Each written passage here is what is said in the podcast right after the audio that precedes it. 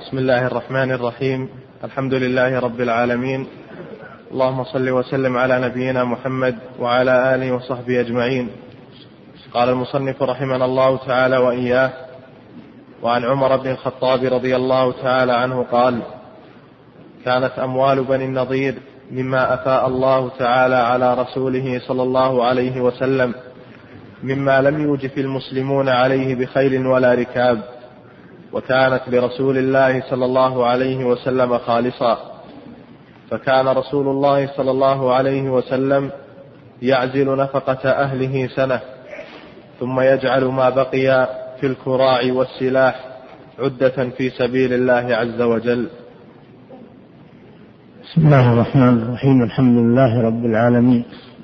صلى الله وسلم على نبينا محمد وعلى آله وأصحابه أجمعين. من الأحكام المتعلقة بالجهاد ما استولى عليه المسلمون من أموال الكفار فإن الله سبحانه أباحه لهم. وهو ينقسم إلى قسمين غنيمة وفيء. الغنيمة تقسم بين المجاهدين. على ما سبق بيانه والفيء يكون لبيت المال للمصلحة العامة. يكون للمصلحة العامة بيت المال. فهو من موارد بيت المال المسلمين. والفيء يتكون من ما تركه الكفار من غير قتال بل تركوه فزعا من المسلمين وجلوا عنه. وإلى ما صالح المسلمون الكفار عليه أنه للمسلمين ما صالحوهم على أنه للمسلمين. ومن الجزية التي تؤخذ من أهل الذمة والعشور التي تؤخذ من تجار الكفار إذا تاجروا في بلاد المسلمين. وما يؤخذ من الأراضي الخراجية التي تكون وقفا لبيت المال كل هذا يكون فيء ومعنى فيء من فاء إذا رجع لأن الأصل في الأموال أنها للمسلمين فإذا استولوا عليها من, من يد الكفار رجعت إليهم فسميت فيئا ومنه الفيء وهو الظل الذي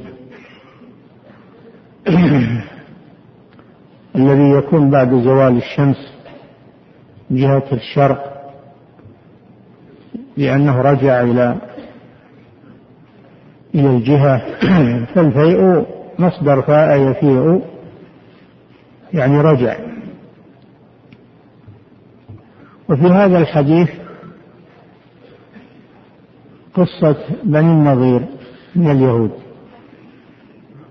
النبي صلى الله عليه وسلم لما هاجر إلى المدينة كان فيها ويسكن حولها جماعات من اليهود. جماعات من اليهود.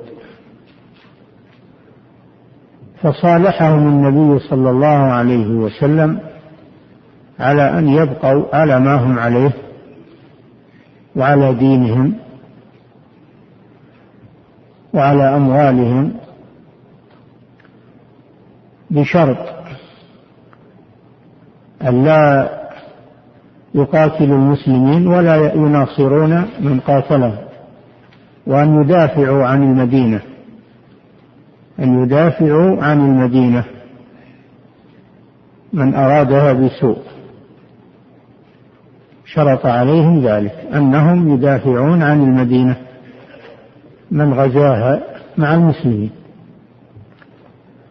فتم الشرط بينهم على هذا وتم العهد بينهم على هذا ولكنهم لم لم يفوا بالعهد. عادة اليهود أنهم يغدرون بالعهود. أو كلما عاهدوا عهدا نبذه فريق منهم. هذه عادتهم. فغدروا بالعهد مع الرسول صلى الله عليه وسلم. وذلك بعد غزوة بدر. لما رأوا المسلمين انتصروا في غزوة بدر غاضهم ذلك غيظا شديدا. فكان من بني النضير وهم فرقة لأن اليهود الذين في المدينة ينقسمون إلى ثلاث ثلاث فرق. بنو النضير وبنو قريظة. بنو النضير وبنو قينقاع وبنو قريظة. فكان أول من غدر بنو النضير بعد غزوة بدر. وذلك أنه لزمت المسلمين دية.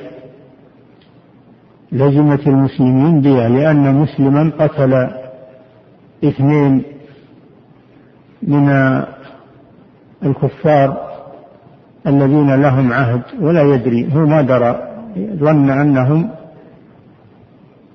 محاربون قتلهم فلزمت ديتهم المسلمين. ويكون هذا من قتل الخطأ. فخرج النبي صلى الله عليه وسلم إلى بني النضير. ليأخذ منهم المساعدة كما تعاهدوا على ذلك على هذه الدية ليدفعوا الإعانة التي التزموا بها أنهم إذا ناب المسلمين شيء أنهم يساعدونهم. فخرج صلى الله عليه وسلم بناء على العهد بينما هو جالس في مكان جاءه جبريل أخبره أن اليهود يتآمرون لقتله وأنهم ينتهزون فرصة وجوده بينهم فهم يتآمرون لقتله. فقام صلى الله عليه وسلم كأنه يريد قضاء حاجته ثم إنه ذهب إلى المدينة ذهب إلى المدينة. وأمر أصحابه أن يستعدوا لغزو بني, بني, بني النظير لأنهم خانوا العهد. وكانت بني النظير قريبة من المدينة ما تحتاج إلى إلى خيل ولا إلى ولا إلى رواحل. ذهبوا على أرجلهم. ذهب المسلمون على أرجلهم وحاصروا بني النظير في محلتهم وحاصروهم. ثم إنهم نزلوا على الصلح نزلوا على أن يجلوا من, من المدينة ويتركوا ما عندهم من الأموال للمسلمين إلا ما خف حمله فيأخذونه معهم. وصالحهم النبي صلى الله عليه وسلم على ذلك وخرجوا من المدينة إلى بلاد الشام. وأنزل الله في ذلك سورة الحشر. والذي أخرج الذين كفروا من أهل الكتاب من ديارهم في أول الحشر ما ظننتم أن يخرجوا وظنوا أنهم مانعتهم حصونهم من الله إلى آخر السورة. هي في هذه القصة في قصة بني النضير. فالله جعل أموالهم خاصة للرسول صلى الله عليه وسلم شيئا للرسول صلى الله عليه وسلم لأن المسلمين لم لم يقاتلوا ولم يخرجوا بالخيل والاستعداد قال تعالى ما أفاء الله على رسوله وما أفاء الله على رسوله منهم فما أوجفتم عليه من خيل ولا ركاب ولكن الله يسلط رسله على من يشاء والله على كل شيء قدير. فجعله لرسوله صلى الله عليه وسلم خاصة وكان صلى الله عليه وسلم يأخذ منه النفقة لسنته على أهله والباقي يجهز به آه، يعد به القوة للجهاد في سبيل الله. ما زاد عن كفاية أهله سنة يجهز به المجاهدين والغزاة في سبيل الله. ولا يدخر شيئا زائدا على ما نفقة أهله عليه الصلاة والسلام.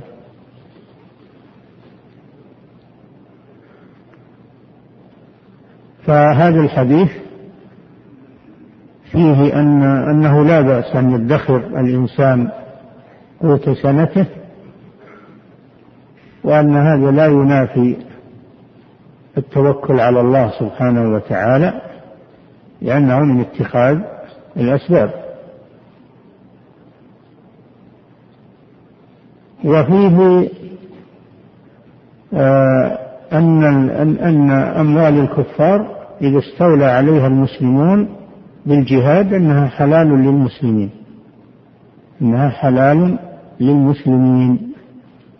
لأنه قال بعدها ما أفاء الله على رسوله من أهل القرى.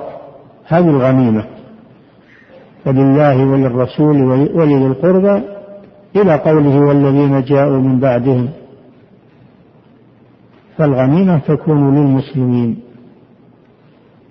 إما للمجاهدين إن كانت غنيمة أو لعموم المسلمين إن كانت شيئا من بيت المال.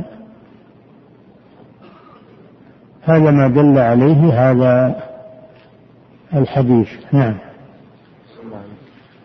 وعن عبد الله بن عمر رضي الله تعالى عنهما قال أجرى النبي صلى الله عليه وسلم ما ضمر من الخيل من الحفياء إلى ثنية الوداع. وأجرى ما لم يضمر من الثنية إلى مسجد بني زريق قال ابن عمر وكنت في من أجرى قال سفيان من الحفياء إلى ثنية الوداع خمسة أميال أو ستة ومن ثنية الوداع إلى مسجد بني زريق ميل نعم. هذا الحديث فيه إعداد العدة للجهاد في سبيل الله. ومن العدة إعداد الخيل للجهاد في سبيل الله. قال تعالى واعدوا لهم ما استطعتم من قوة ومن رباط الخيل ترهبون به عدو الله وعدوكم وآخرين من دونهم لا تعلمونهم. الله يعلمهم. فالخيل هي من أعظم ذوات الجهاد لأن الخيل تصلح في كل زمان ومكان. والخيل معقود في نواصيها الخير إلى يوم القيامة كما قال صلى الله عليه وسلم ولا أحد يستغني عن الخيل حتى اللي عندهم مدرعات وطائرات يستعملون الخيل في بعض الأحوال. الخيل لا يستغنى عنها. وأيضا ربما يأتي وقت تتعطل هذه الأسلحة وهذه الصناعات تتعطل فيرجع الناس إلى الخير لأنها جعل الله فيها القوة وجعل فيها الهيبة. فإعداد الخيل هذا أمر مستحب لأنه من القوة التي أمر الله بإعدادها هذه مسألة. المسألة الثانية أن الخيل هذه تدرب على الجهاد. ما هو تربط الخيل وتخليها عندك وترفهها وتسمنها؟ لا. تدربها على الجهاد. تدربها من أجل إذا احتيج إليها وإذا هي مدربة. وذلك بالسباق. يعني تستعملها في السباق والمضمار حتى تعتاد الكر والفر.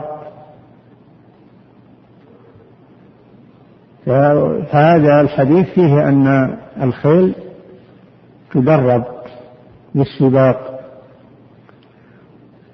وفيه أنها قبل التدريب تضمر. والتضمير معناه أنها تعطى العلف حتى تسمن ثم يقلل عنها العلف شيئا فشيئا حتى تضمر لأن الضامر أقوى أقوى من السمينة ومن الشبعة فإذا سمنت بكثرة العلف يقلل عنها العلف شيئا فشيئا حتى يضمر جسمها وبطونها وتصبح خفيفة عند العدو. هذا هو التضمير. الرسول صلى الله عليه وسلم فرق بين المضمر من الخيل وبين غير المضمر. لأن جعل مسافة المضمر أطول لأنه أقوى على على الجري. ومسافة غير المضمر قصيرة لأنه يتعبه الجري الكثير. ففي هذا الرفق بالحيوان فيه الرفق بالحيوان وأنه لا يكلف ما لا يطيق. من الحيوان من الخيل وغير الخيل وأما الأميال فهي جمع ميل. الحافية اسم موضع وثنية الوداع جبل في شمالي المدينة يمر من عنده الطريق إلى الشام وإلى تبوك يصعد معه الطريق. فالثنية هي الطريق الصاعد في الجبل. وسميت ثنية الوداع لأن عادتهم أنهم يشيعون المسافر إلى أن يبلغوا هذه الثنية ثم يرجعون إلى المدينة. فسميت ثنية الوداع لأنها يوادع عندها أو يودع عندها المسافر إلى جهة الشام أو تبوك. ولا تزال بهذا الاسم إلى الآن لكنها قد لكنها قد مر عليها طريق السيارات فسهلت سهلت وحفرت وصارت مساوية للأرض لكن طرفها موجود طرفها موجود. وتسمى بهذا الاسم إلى الآن ثنية الوداع. عندها مسجد يسمى مسجد ثنية الوداع شمالي المدينة. هذا ثنية الوداع. وهذه الحفية. الحفية اسم موضع وبين الحفية وبين ثنية الوداع خمسة أميال. والميل ألف بوع ببوع الآدمي. ألف بوع بوع الآدمي. والبوع أربعة أذرع. بذراع الآدمي يحول إلى يحول إلى الأمتار المستعملة الآن. هذه المضمرة. وأما غير المضمرة فمن ثنية الوداع إلى مسجد بني زريق جماعة من الأنصار رضي الله عنهم ومقداره ميل واحد لأنها لا تتحمل أكثر من ذلك. وفيه أن الذي يتولى ترتيب التدريب هو ولي الأمر. لأن الجهاد من صلاحيات ولي الأمر فهو الذي يعد العدة وهو الذي يأمر بالسباق وفيه السباق على الخيل وعلى الإبل وعلى الأقدام. السباق جائز في الأمور. التي ليس فيها حرام وليس فيها محظور جائز لأنه فيه إخراج المهارات وتقوية الجسم. فالسباق والرياضة أمر جائز لما فيه من المصالح الدينية والدنيوية. لكن لا يؤخذ العوض إلا على السباق على الخيل أو الإبل أو النصال وهي الرماية. قال صلى الله عليه وسلم لا سبق إلا في نصل وهو الرماية أو خف وهو الإبل أو حافر وهو الخيل. فهذه الثلاث تؤخذ عليها الجوائز السابق يعطى جائزة لأن في هذا تشجيعا على التدرب على الجهاد في سبيل الله والكر والفر وأما السباق على غيرها على الأقدام أو على غيرها فلا يجوز أخذ العوض عليه لأنه يكون من القمار. لا يجوز أخذ العوض على على الرياضة البدنية على الكرة على المسابقة بالأقدام. لا يجوز أخذ العوض على هذه الأشياء لأنه من أكل المال. بالباطل. ولأن هذا ليس من ليس من تدرب على الجهاد وإنما هو لتقوية الجسم فقط أو الذهن أو تقوية الذهن وإظهار المهارة. هذا مباح لكنه لا يؤخذ عليه عوض لأن الرسول صلى الله عليه وسلم حصر ذلك في ثلاثة أشياء. لا نصل إلا هذا حصر في نصل أو خف أو حافر. نعم. قال ابن عمر وكنت في من أجرى. كان ابن عمر من جملة من من آه، من سابق في هذه المسابقة على الخيل نعم. قال سفيان يعني هذا مما يؤكد هذا مما يؤكد آه، القصة هذه. نعم. قال سفيان من الحفياء إلى سفيان راوي الحديث. إذا أطلق سفيان فهو سفيان بن عيينة. سفيان بن عيينة نعم. قال هناك هناك سفيان الثوري وهما إمامان جليلان. لكن سفيان بن عيينة يغلب عليه الحديث وسفيان الثوري يغلب عليه الفقه. نعم. قال سفيان من الحفياء إلى ثنية الوداع خمسة أميال أو ستة ومن ثنية الوداع إلى مسجد بني زريق ميل. نعم. عن عبد الله بن عمر رضي الله تعالى عنهما قال عرضت على رسول الله صلى الله عليه وسلم يوم أحد وأنا ابن أربع عشرة سنة فلم يجزني في المقاتلة وعرضت عليه يوم الخندق وأنا ابن خمس عشرة فأجازني.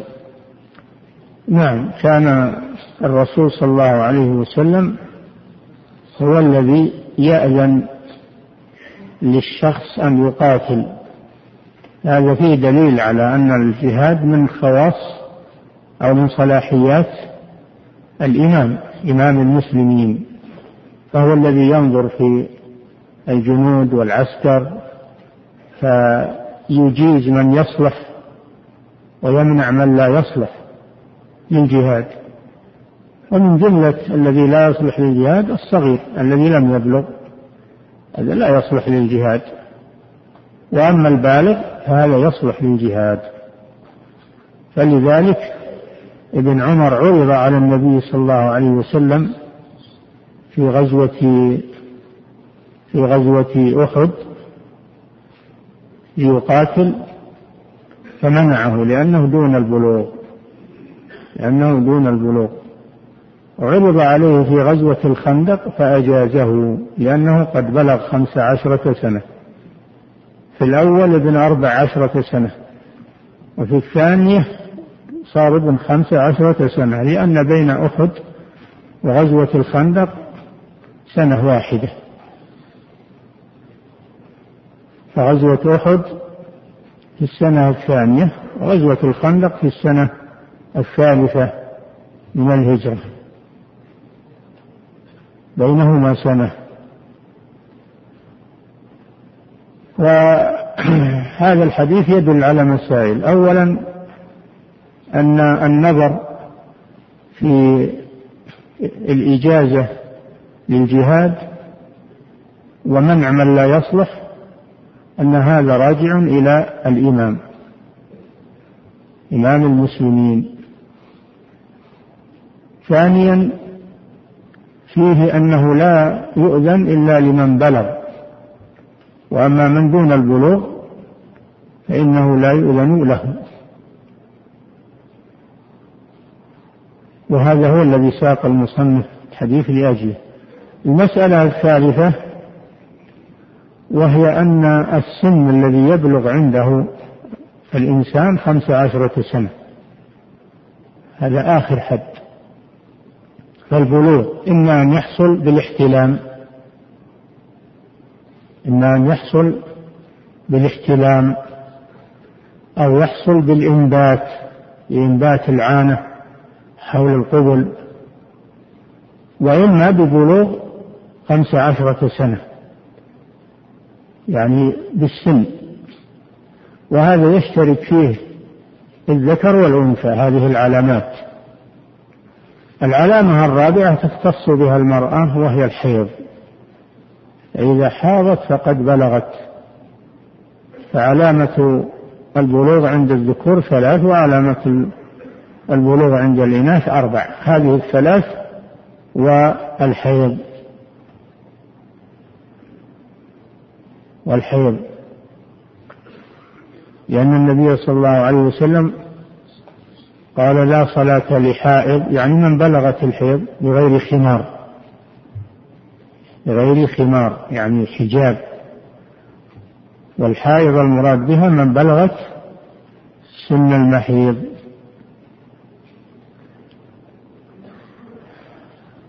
نعم. وعنه أن رسول الله صلى الله عليه وسلم قسم في النفل للفرس سهمين وللرجل سهما.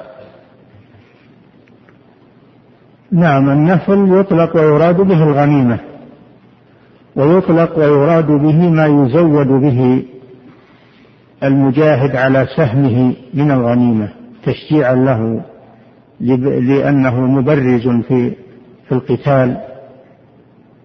فيكافأ ويعطى زيادة على سهمه من الغنيمة هذا يسمى نفل. فالنفل يطلق ويراد به الغنيمة عموما كما قال تعالى يسألونك عن الأنفال قل الأنفال لله والرسول. والمراد بالأنفال هنا الغنائم. وأما النفل الخاص فهو ما يعطى للشجعان من المجاهدين من أجل تشجيعهم على الذين لهم يعني تأثير في الجهاد أكثر من غيرهم ويعطون زيادة على سهمانهم. هذا هو هو النفل بأقسامه. نعم. أعد الحديث. وعنه أن رسول الله صلى الله عليه وسلم قسم في النفل للفرس سهمين وللرجل سهما. آه المراد به هنا النفل الغنيمة. المراد به الغنيمة وهو المذكور في أول سورة الأنفال الغنيمة. الغنيمة تقسم بين المجاهدين. للراجل سهم وللفارس ثلاثة أسهم سهمان لفرسه وسهم له. نعم. وعنه أن رسول الله صلى الله عليه وسلم كان ينفل بعض من يبعث من السرايا لأنفسهم خاصة. هذا النوع الثاني من النفل وهو ما يعطى لبعض الجنود لأهمية يقوم بها أكثر من غيره. ومن ذلك السرايا وهي القطع من الجيش التي يبعثها الإمام. السرية هي القطعة من الجيش. وأما الجيش فهو آه، عموم الغزاة. عموم الغزاة يسمى بالجيش. فإذا كان الغزاة كثيرون يسمون بالجيش. إذا كانوا قطعة يسيرة يسمون بالسرية. ولما كانت السرية تتعرض لخطر أكثر لأن الجيش فيه قوة ويدفع بعضه عن بعض أما السرية فعددهم قليل. الخطر في حقهم أكثر فلذلك كان صلى الله عليه وسلم ينفلهم أكثر من غيرهم. نعم.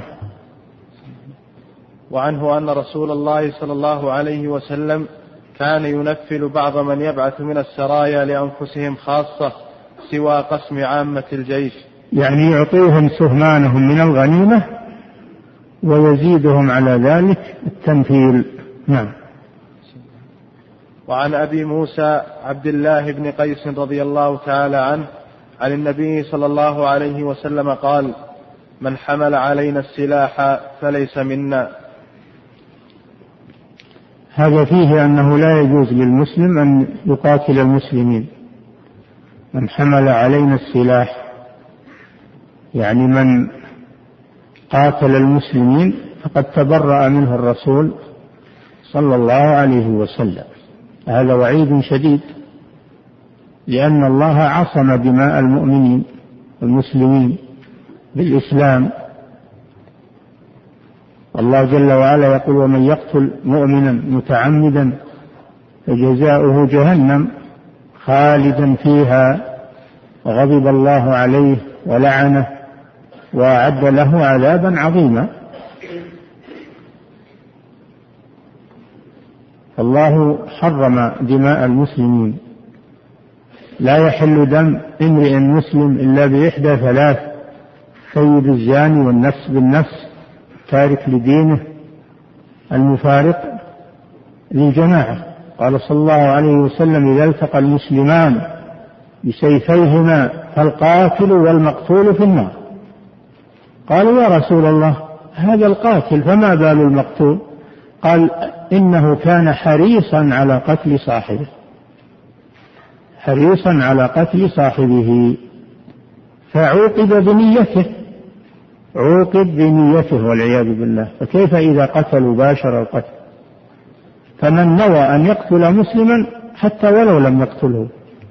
فإنه عليه هذا العقوبة. إلا إذا تركه توبة إذا ترك قتله توبة فإن الله يتوب عليه لكن إذا ترك قتله لأنه لم يظفر به أو امتنع عليه فهو يعاقب على نيته والعياذ بالله. وهذا يشمل قطاع الطريق الذين يتعرضون للناس بالسلاح ويأخذون أموالهم ويشمل البغاة الذين يخرجون على ولي الأمر ويشمل الخوارج الذين يكفرون المسلمين ويقاتلون المسلمين ويشقون عصا الطاعة. ويشمل في وقتنا الحاضر من باب أولى وأشد الذين يفجرون في بلاد المسلمين يفجرون تفجيرات ويهلكون الحرث والنسل ويروعون الآمنين. هؤلاء أشد والعياذ بالله. وقد تبرأ منهم رسول الله صلى الله عليه وسلم. بقوله ليس منا. هذا براءة من الرسول صلى الله عليه وسلم. فكيف هؤلاء يزعمون أنهم يجاهدون في سبيل الله؟ وقد تبرأ منهم رسول الله صلى الله عليه وسلم. فالخطر في هذا عظيم والخطب شديد ولا يجوز حمل السلاح على المسلمين. لا يجوز حمل السلاح على المسلمين. وقد نهى النبي صلى الله عليه وسلم عن الإشارة بالسلاح إلى مسلم ولو كان الإنسان مازحا ما ولو كان مازحا ما يجوز له. يشهر السلاح على المسلم من باب المزح. لأن هذا من الترويع وربما يحمله الشيطان على القتل. أو إنه, إن إنه يتحرك السلاح ويقتل يقتل المسلم تحرك بغير إرادته. وكثيرا ما يقع هذا. يجي يحرك السلاح ويمزح ثم يثير السلاح ويقتل. ولذلك أمر النبي صلى الله عليه وسلم عندما يدخل الإنسان إلى الأسواق ومعه سلاح أن يضبطها أن يضبطها ويأخذ بنصابها ويأمنها وكذلك بقية الأمور.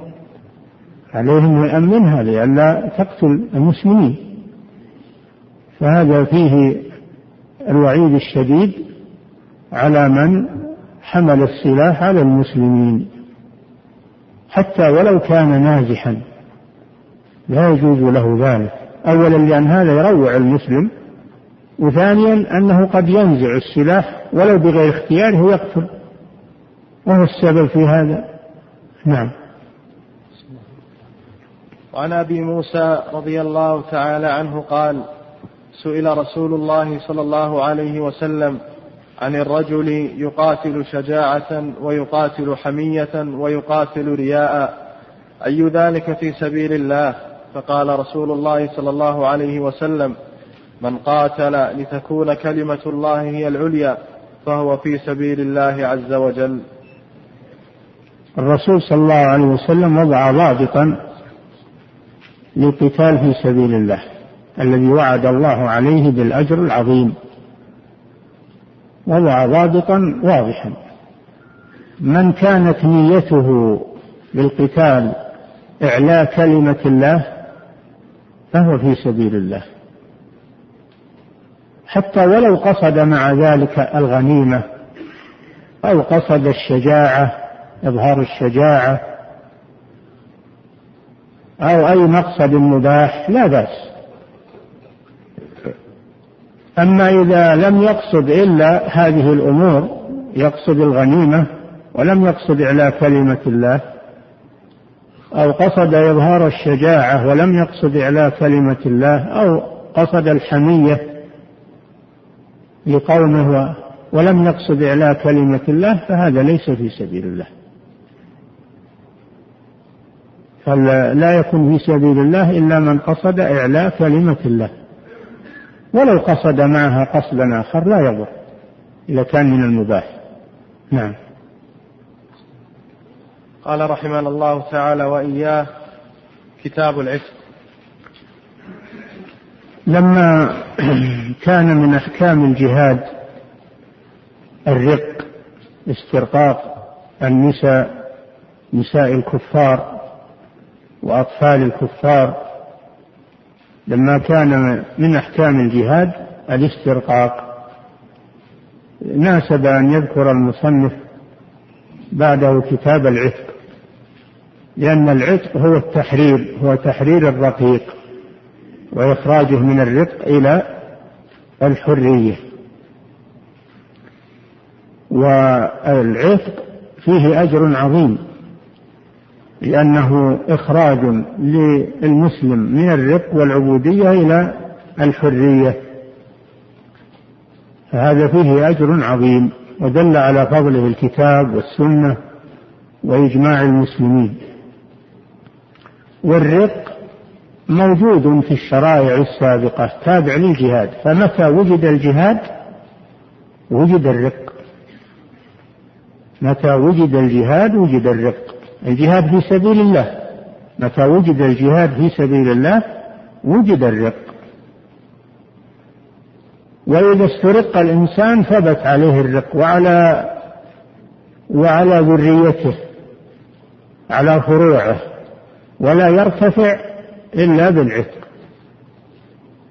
ولهذا يقول الفقهاء رحمهم الله أو الفرضيون يقولون الرق عجز حكمي يقوم بالإنسان سببه الكفر. سببه الكفر. ولا يرتفع إلا بالعتق.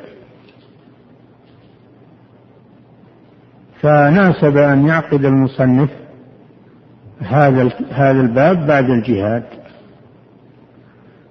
والرق كما ذكرنا له مصدر واحد في الإسلام وهو الجهاد.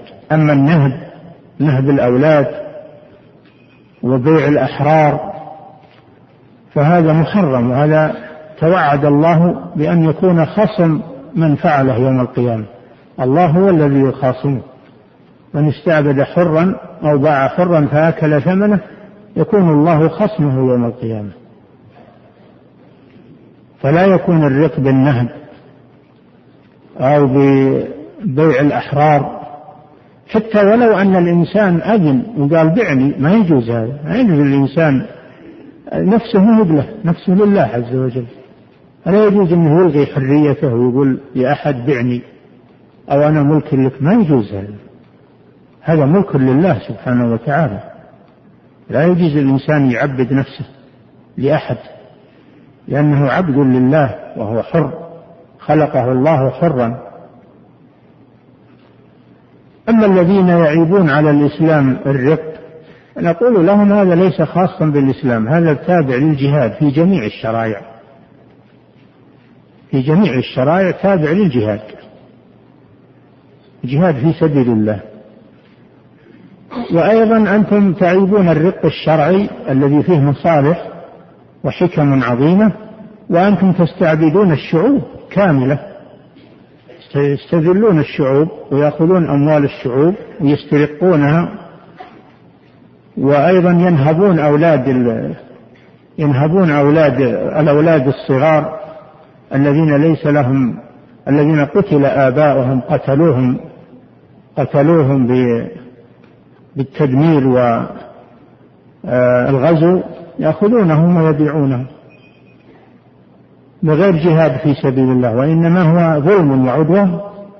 فكيف يعيبون على المسلمين الرق الشرعي وهم يسترقون الرق المحرم؟ نعم. عن عبد الله بن عمر رضي الله تعالى عنهما أن رسول الله صلى الله عليه وسلم قال من أعتق شركا له في عبد فكان له مال يبلغ ثمن العبد قوم عليه قيمة عدل فأعطي شركاؤه حصصهم وعتق عليه العبد وإلا فقد عتق منه ما عتق. نعم. نعم. وعن أبي هريرة رضي الله تعالى عنه عن النبي صلى الله عليه وسلم قال من أعتق شقصا من مملوك فعليه خلاصه كله في ماله فإن لم يكن له مال قوم المملوك قيمة عدل ثم استسعي العبد غير مشقوق عليه. نعم. هذا الحديث أو هذان الحديثان في مسألة العبد المشترك. العبد المشترك بين عدة مالكين. إذا كان عبد له عدة مالكين وأعتق بعضهم نصيبه. أعتق بعضهم شركه يعني نصيبه من هذا العبد. فإن هذا المعتق الذي أعتق نصيبه إن كان له مال فإنه يدفع للآخرين قيمة أنصبائهم ويعتق جميع العبد. يعتق جميع العبد. يسري هذا يسمونه السراية. العتق يسري على جميع العبد وهذا دليل على حرص الإسلام على العتق. حتى إن من أعتق نصيبه من عبد وعنده مال أنه يعتق عليه جميعه ويدفع لشركائه قيمة أنصبائهم ويعتق جميعه. أما إذا لم يكن له مال فإنه يعتق منه نصيب المعتق فقط. ويسمى هذا بالمبعض. يسمى بالمبعض وهو الذي بعضه آه، حر وبعضه رقيق. هذا الحديث الأول. الحديث الثاني زاد زيادة وهو أن هذا المبعض الذي عتق بعضه يستسعى يقوم بقية أنصباء الشركاء تقوم ثم يؤمر العبد بالتكسب وتسديد أنصباء الشركاء. يستسعى يعني في طلب في طلب الرزق ويصير هذا دينا عليه حتى يحصل على وفاء هذا الدين الذي عليه ويعتق جميعه. هذا معنى الاستسعاء. نعم. قال رحمه الله تعالى وإياه باب بيع المدبر. المدبر هو نوع من العتق التدبير نوع من العتق. ولكن عتق معلق. العتق ينقسم إلى قسمين عتق منجز وعتق معلق.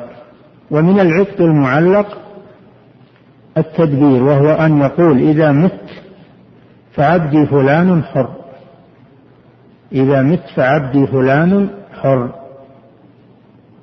فعلق عتقه على الموت. فهذا يسمى بالتدبير لأنه علقه على الموت وهو دبر الحياة. دبر الحياة. فهذا يبقى رقيقا يبقى رقيقا في حياة سيده. فله بيعه والرجوع عن التدبير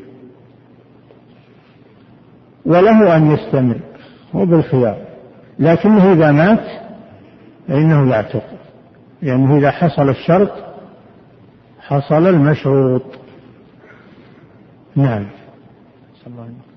عن جابر بن عبد الله رضي الله تعالى عنهما قال دبر رجل من الأنصار غلاما له وفي لفظ بلغ النبي صلى الله عليه وسلم أن رجلا من أصحابه أعتق غلاما له عن دبر لم يكن له مال غيره فباعه رسول الله صلى الله عليه وسلم بثمانمائة درهم ثم أرسل بثمنه إليه. هذا الدليل على أن المدبر يباع في حياة سيده. ما دام سيده حي فإنه يباع لأنه ما بعد عتق إلى الآن.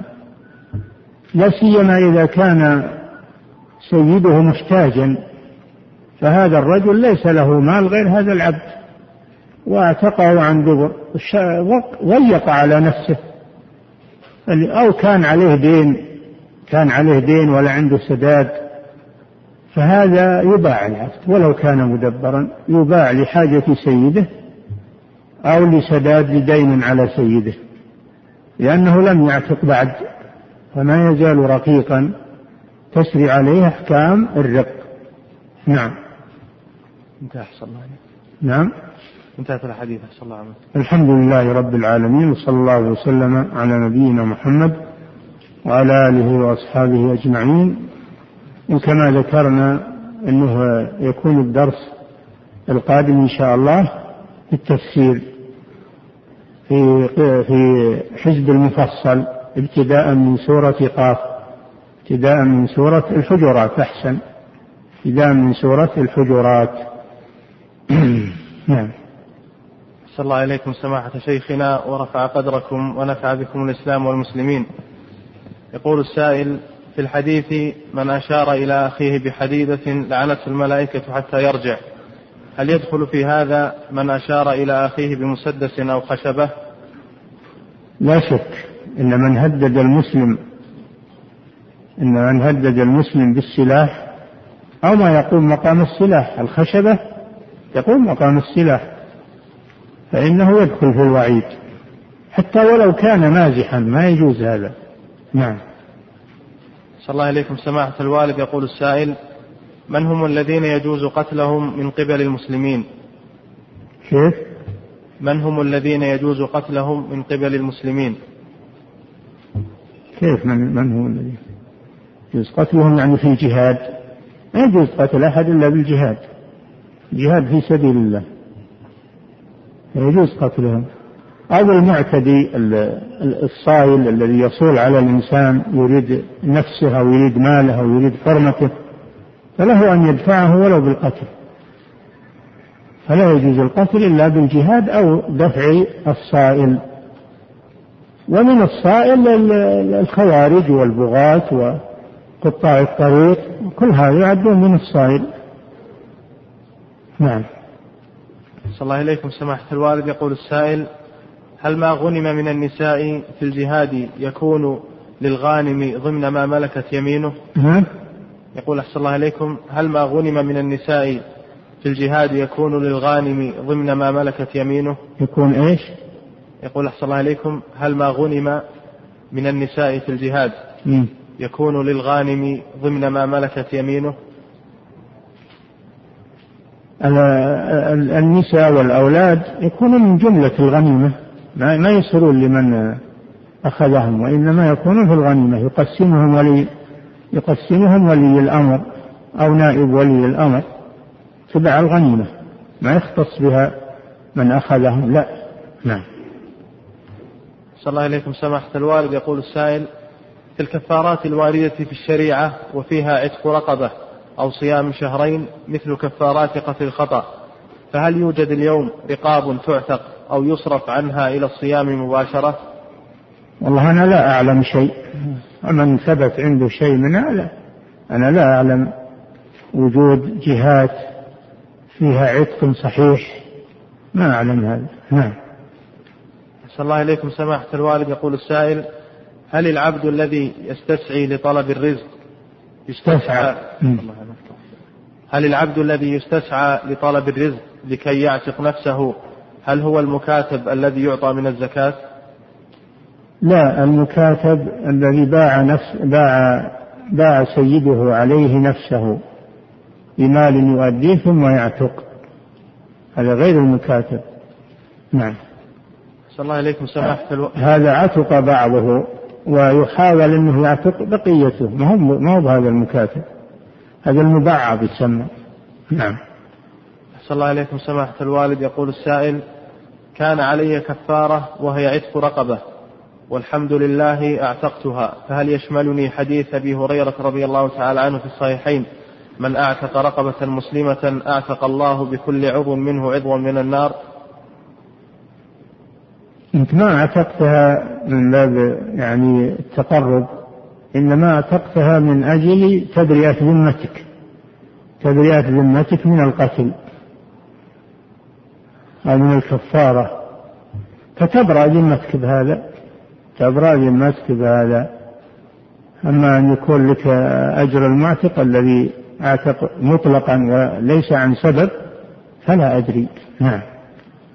صلى الله عليكم سماحة الوالد. يقول السائل ذكر ابن رجب رحمه الله تعالى في شرح الأربعين أن من كان قصده من الجهاد إعلاء كلمة الله ومنفعة دنيوية وردت في الشرع فإن أجره ينقص.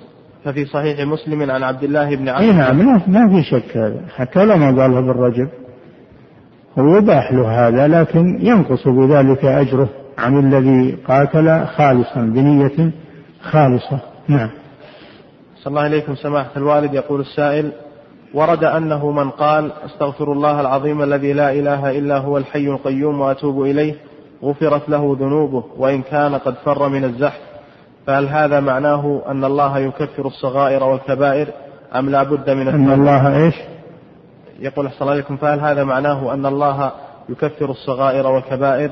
هذا يستغفر الله هذه توبة. لمن تاب من الكبائر تاب الله عليه. هذا معناه التوبة. ومن تاب تاب الله عليه من الكبائر والصغائر. لكن كلام في الذي صاحب الكبيرة الذي لم يتب. صاحب الكبيرة التي دون الشرك ولم يتب منها فهذا تحت مشيئة الله. إن شاء الله غفر له وإن شاء عذبه. نعم. صلى الله عليكم سماحة الوالد. يقول السائل من هو ولي أمر المسلمين الذي نرجع إليه في أمور الجهاد؟ إذا كنت ما تعرف ولي أمر المسلمين فهذه مصيبة. هذه مصيبة عظيمة. أنت وين تعيش بها الآن؟ وين تعيش بها ما أنت بتعيش في في هذه البلاد ولها ملك ولها ولاة أمور؟ هذا ولي أمر المسلمين. نعم. صلى الله عليكم سماحة الوالد. يقول السائل كيف الجمع بين الحديثين إذا هم الشخص بسيئة ولم يفعلها لم تكتب؟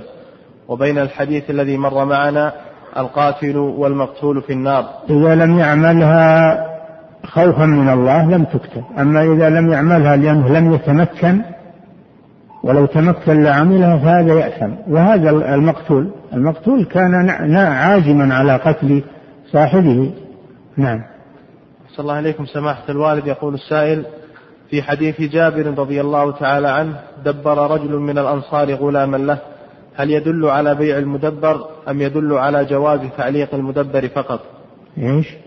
يقول أحسن الله إليكم في حديث جابر دبر رجل من الأنصار غلاما له. هل يدل على بيع وبقية الحديث وش؟ وش بقية الحديث؟ عشان نعرف. وهذا هو اللي ذكر في الحديث رضي الله عنه. يجيب باقي الحديث نشوف. نعم.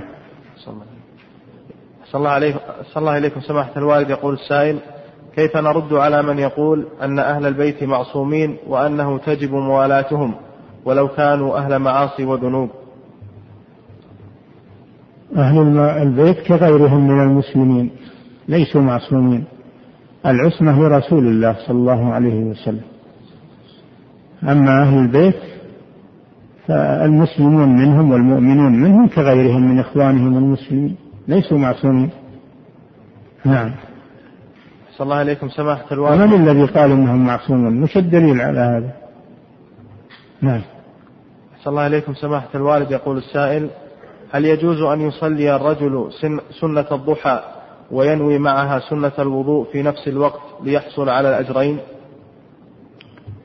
إذا نواها سنة الضحى تكفي عن سنة الوضوء. تكفي عن سنة الوضوء.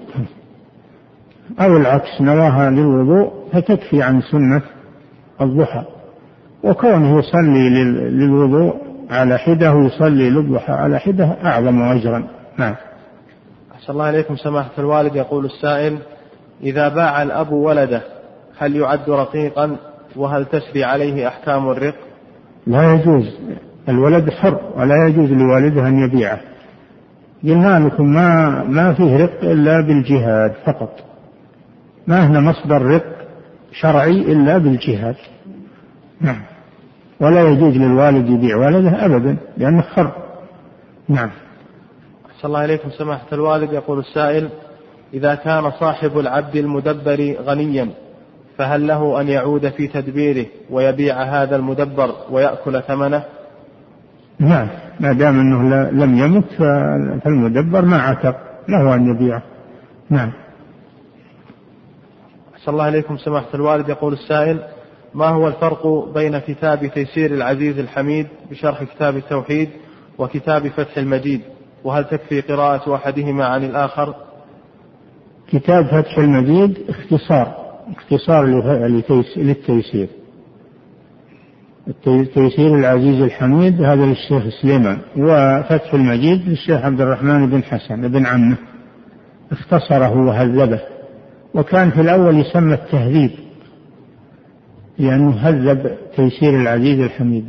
اختصره وكمله لأنه لا المؤلف لم يكمله لأنه قتل رحمه الله قبل أن يكمله. كمله الشيخ عبد الرحمن بن حسن فهو تهذيب له واختصار له. نعم.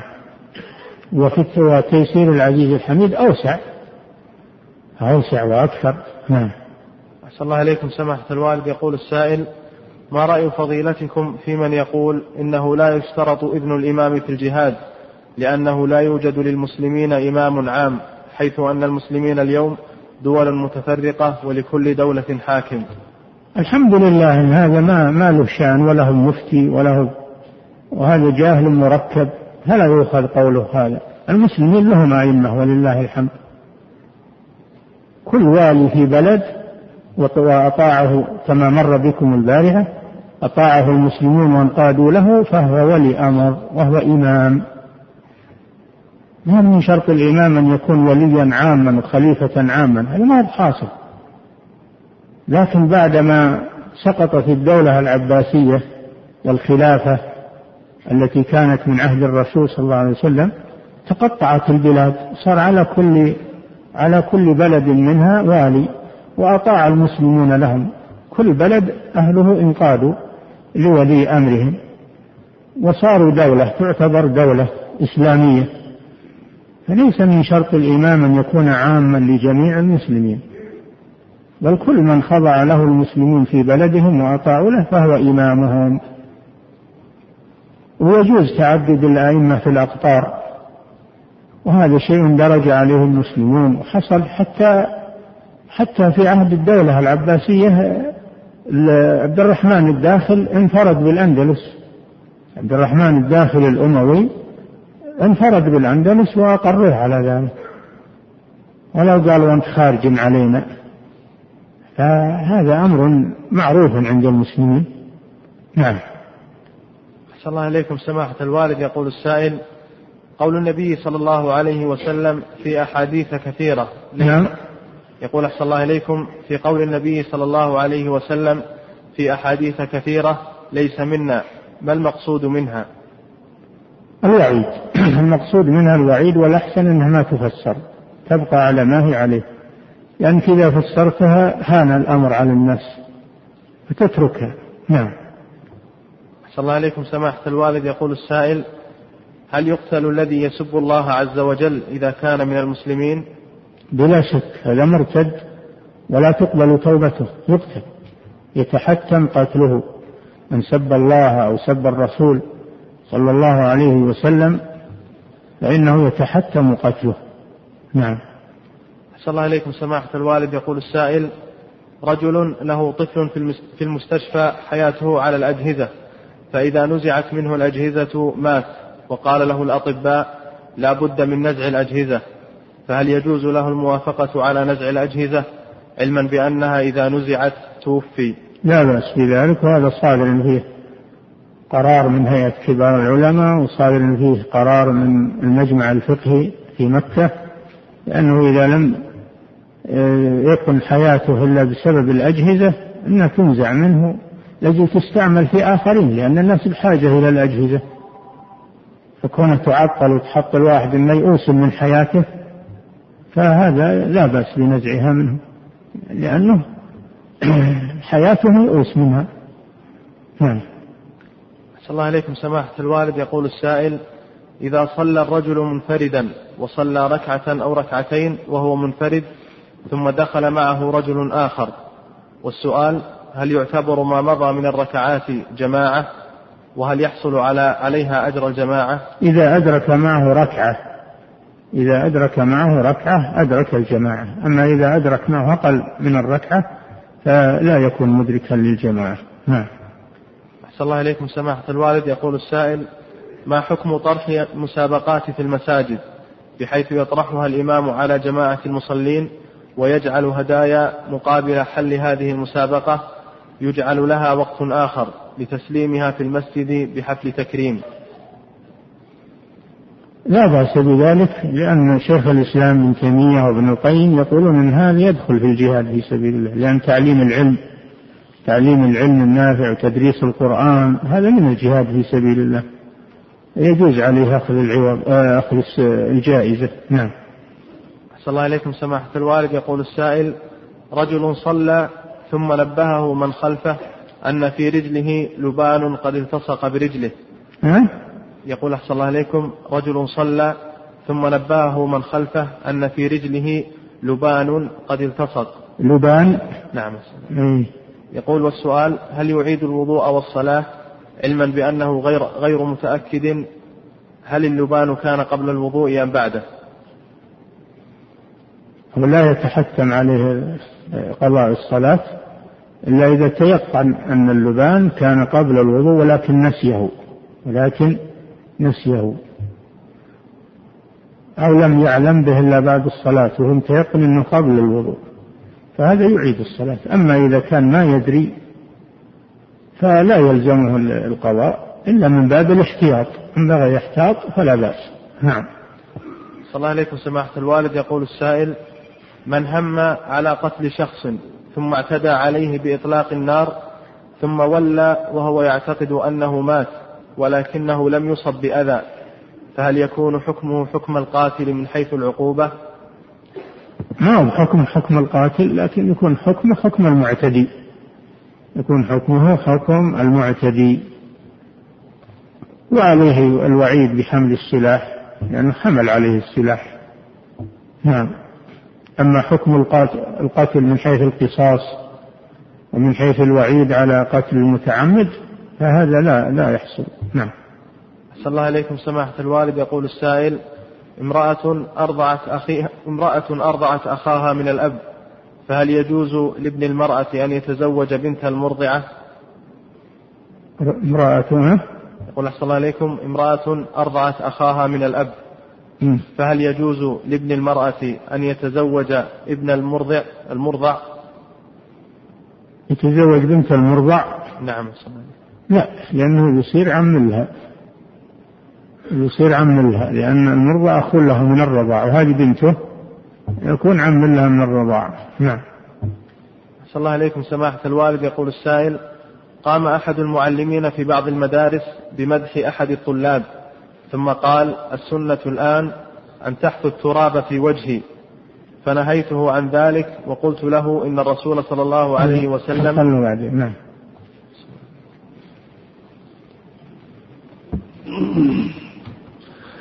الله أكبر الله أكبر الله أكبر الله أكبر. أشهد أن لا إله إلا الله أشهد أن لا إله إلا الله. أشهد أن محمد رسول الله. أشهد أن محمد رسول الله. حي على الصلاة. حي على الصلاة. حي على الفلاح. حي على الفلاح.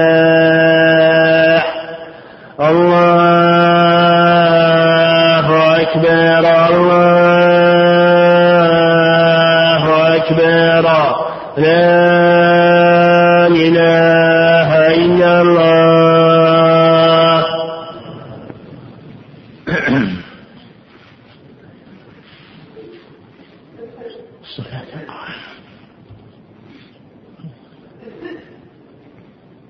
نعم. صلى الله عليكم سماحة الوالد يقول السائل. قام أحد المعلمين في بعض المدارس بمدح أحد الطلاب ثم قال السنة الآن السنة الآن أن تحثو التراب في وجهي. فنهيته عن ذلك وقلت له إن الرسول صلى الله عليه وسلم قد مدح بعض أصحابه ثم أخذ الطلاب هذا الكلام بأنه سنة. فما حكم قوله هذا؟ نعم هو كما قال الطلاب أن تشجيع طالب العلم والثناء عليه من باب تشجيعه وحثه على هذا شيء طيب وليس هذا من المدح المذموم. وإن هذا من وإنما هذا من التشجيع على طلب العلم. نعم. والمحسن يقال له أحسنت. نعم. صلى الله عليكم سماحة الوالد يقول السائل وفيه أيضا حث لزملائهم أنهم يجتهدون مثله. نعم. فلا أرى في هذا بأسا نعم. صلى الله عليكم سماحة الوالد. يقول السائل امرأة حامل وكلما كحت نزل منها البول بسبب هذا الحمل وسؤالها كيف تعمل في صلاتها؟ هل تأخذ حكم من به سلس البول؟ لأن هذا الأمر شق عليها مشقة بالغة. تعالج عند الطبيب ربما يجد لها علاج يمنع البول. فإذا لم تجد علاجا فإنها تتوضأ عند الصلاة. تتوضأ عندما تريد الصلاة وتصلي. وربما أن الله يعافيها ولا يجيها كحة في الصلاة. نعم. صلى الله عليكم سماحة الوالد. يقول السائل ما هو القول في رجل يقول إن كلام أهل السنة في هجر المبتدعة ومنابذتهم مخصوص بمن لم يكن منهم عالما؟ أما المبتدع العالم فلم يتوقف أهل السنة في الأخذ عنه وتزكيته والر- والرحلة إليه. فهل قوله صحيح؟ هذا كلام فيه غلط وفيه تخليط. أهل السنة كانوا يهجرون المبتدع ويبتعدون عنه يبتعدون عنه ولا يتلقون العلم عنه. إنما الذي ذكر أنهم يروون الحديث عنه الحديث حديث الرسول إذا كان مشهورا بالصدق. وتحريم الكذب مثل الخوارج مثل وله بيدعو إلى البدعة. فهذا يروى عنه الحديث الحديث فقط. أما أنه يجالس ويتلقى عنه العلم فلا. نعم. أحسن الله عليكم سماحة الوالد يقول السائل رجل نام ليلة الجمعة ثم قام لصلاة الجمعة. نعم. أحسن الله عليكم سماحة الوالد يقول السائل رجل نام ليلة الجمعة ثم قام لصلاة الجمعة وهو لم يصلي الفجر فماذا عليه؟ عليه يصلي الفجر أولا يصلي الفجر يبادر يصلي الفجر ثم يروح يصلي الجمعة نعم أحسن الله عليكم سماحة الوالد يقول السائل رجل عق عن ابنه بماعز تبلغ من العمر ثمانية أشهر ويسأل هل تجزئ عن ابنه عق عن ابنه؟ بماعز. تبلغ من العمر ثمانية أشهر والسؤال هل تجزئ عن ابنه؟ لا لا ما تجزي لأنها يشترط أن تتم سنة. الظان هو الذي يجزي فيه ستة أشهر نصف سنة. وأما المعز فلا بد من مضي سنة. نعم. أسأل الله عملكم ويقول في تتمة سؤاله وهل هناك فرق بين جهله وعمده في ذبحها بهذه السن؟ لا ما ما يعذر بجهله. وإنما لابد من لابد من السن المعينة التي عينها الرسول صلى الله عليه وسلم في الأضاحي. والعقيقة حكمها حكم الأضحية. فلا يجزي فيها إلا ما يجزي في الأضاحي. نعم. أحسن الله عملكم سماحة الوالد. يقول السائل هل الدعاء يغير ما كتب في اللوح المحفوظ من رزق للإنسان ونحوه؟ هل الدعاء إيش؟ يغير ما كتب في اللوح المحفوظ من رزق للإنسان ونحوه وما معنى رفعت الأقلام وجفت الصحف. يا أخي الدعاء مكتوب في اللوح المحفوظ. إذا دعوت الله معناه أن الله كتب في اللوح المحفوظ أنك تدعو وأن الله يستجيب لك. ما في شيء يحصل في الكون إلا وقد كتب في اللوح المحفوظ. من دعاء وغيره. نعم. صلى الله إليكم سماحة الوالد. يقول السائل ما هو المعنى الصحيح لهذين الحديثين؟ قول النبي صلى الله عليه وسلم أخرجوا المشركين من جزيرة العرب وقوله لا يجتمع في الجزيرة دينان. هذا الخطاب لولاة الأمور. وليس لأفراد الناس. الصحابة ما فهموا هذا الفهم. ولم يخرجوا من جزيرة المشركين من جزيرة العرب في عهد أبي بكر. وإنما الذي أخرجهم عمر لما قوي الإسلام وانتشر صار في المسلمين قوة أخرجهم عمر تنفيذا لقول الرسول صلى الله عليه وسلم. أما ما دام المسلمون لم يصلوا إلى الحالة التي وصل إليها المسلمون في عهد عمر فلا يخرجون وإخراجهم يكون على يد ولي الأمر. ما هي بالمسألة فوضى؟ وما لا يجتمع هذا لا يجتمع دينان هذا هو الحكمة من إخراجهم. يخرجون لئلا يجتمع في جزيرة العرب دينان. لأن الواجب أنه ما يكون في جزيرة العرب التي هي مهد الرسالة إلا دين الإسلام. لأن العالم كله ينظر إلى جزيرة العرب.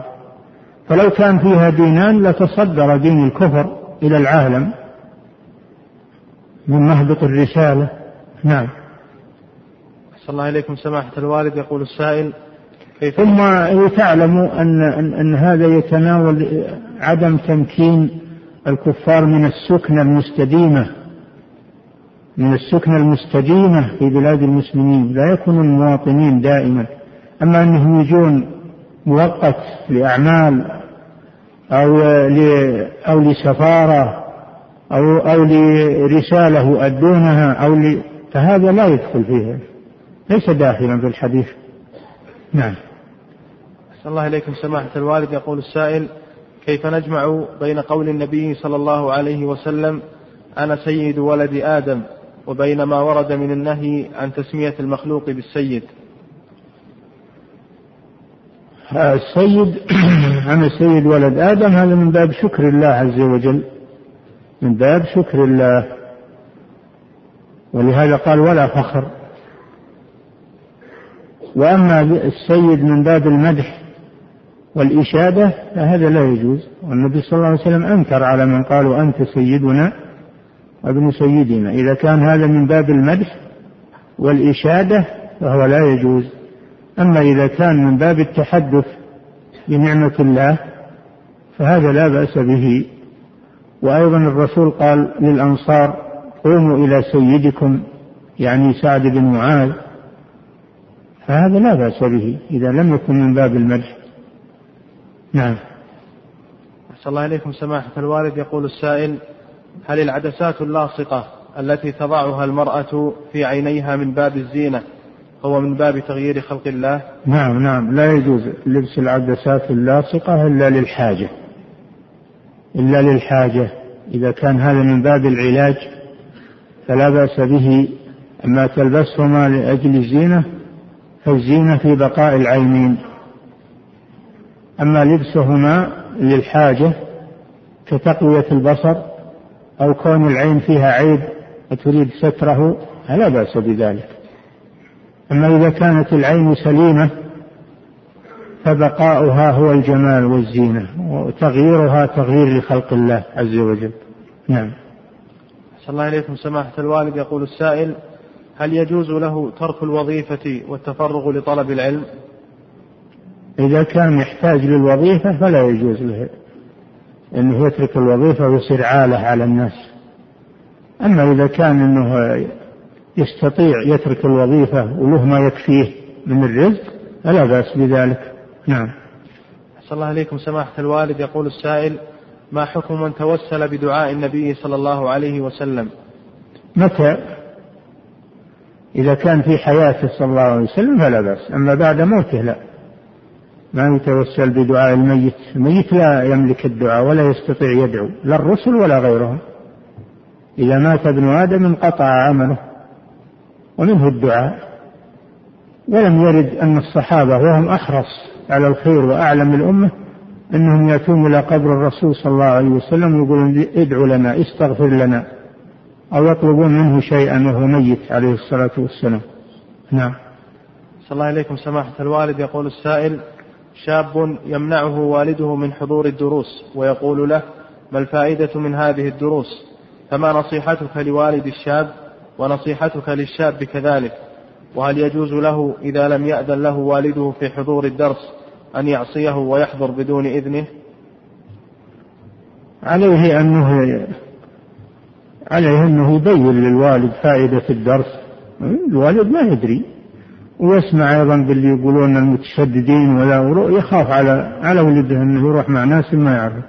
يبين للوالد وين هو فيه الدرس ومن هو الذي يدرس وما هو الكتاب الذي هو يقرأ.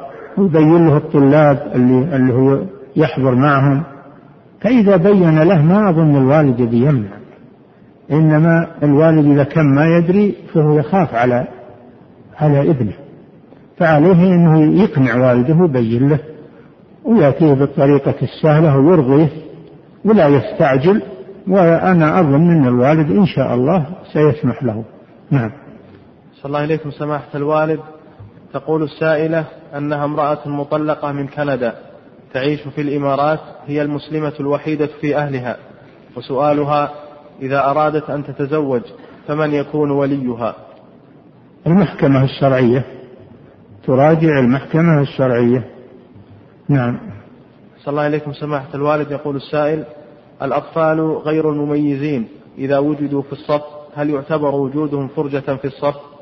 وهل يجوز له أن يفرق بين طفلين ويصلي بينهما؟ الذين لا تصح منهم الصلاة لكونهم غير مميزين لا يتركون في الصف. يسكنون فرج في الصف. وأما المميز فهذا صلاته صحيحة يكون في الصف. نعم. صلى الله عليكم سماحة الوالد. يقول السائل يقول بعضهم لا يجوز التفضيل بين الأنبياء على وجه التعيين. فهل هذا صحيح؟ ما هو على وجه التعيين؟ ما قال هذا أحد. يفضل الفاضل بعينه. ورسولنا هو أفضل الأنبياء. وهو معين.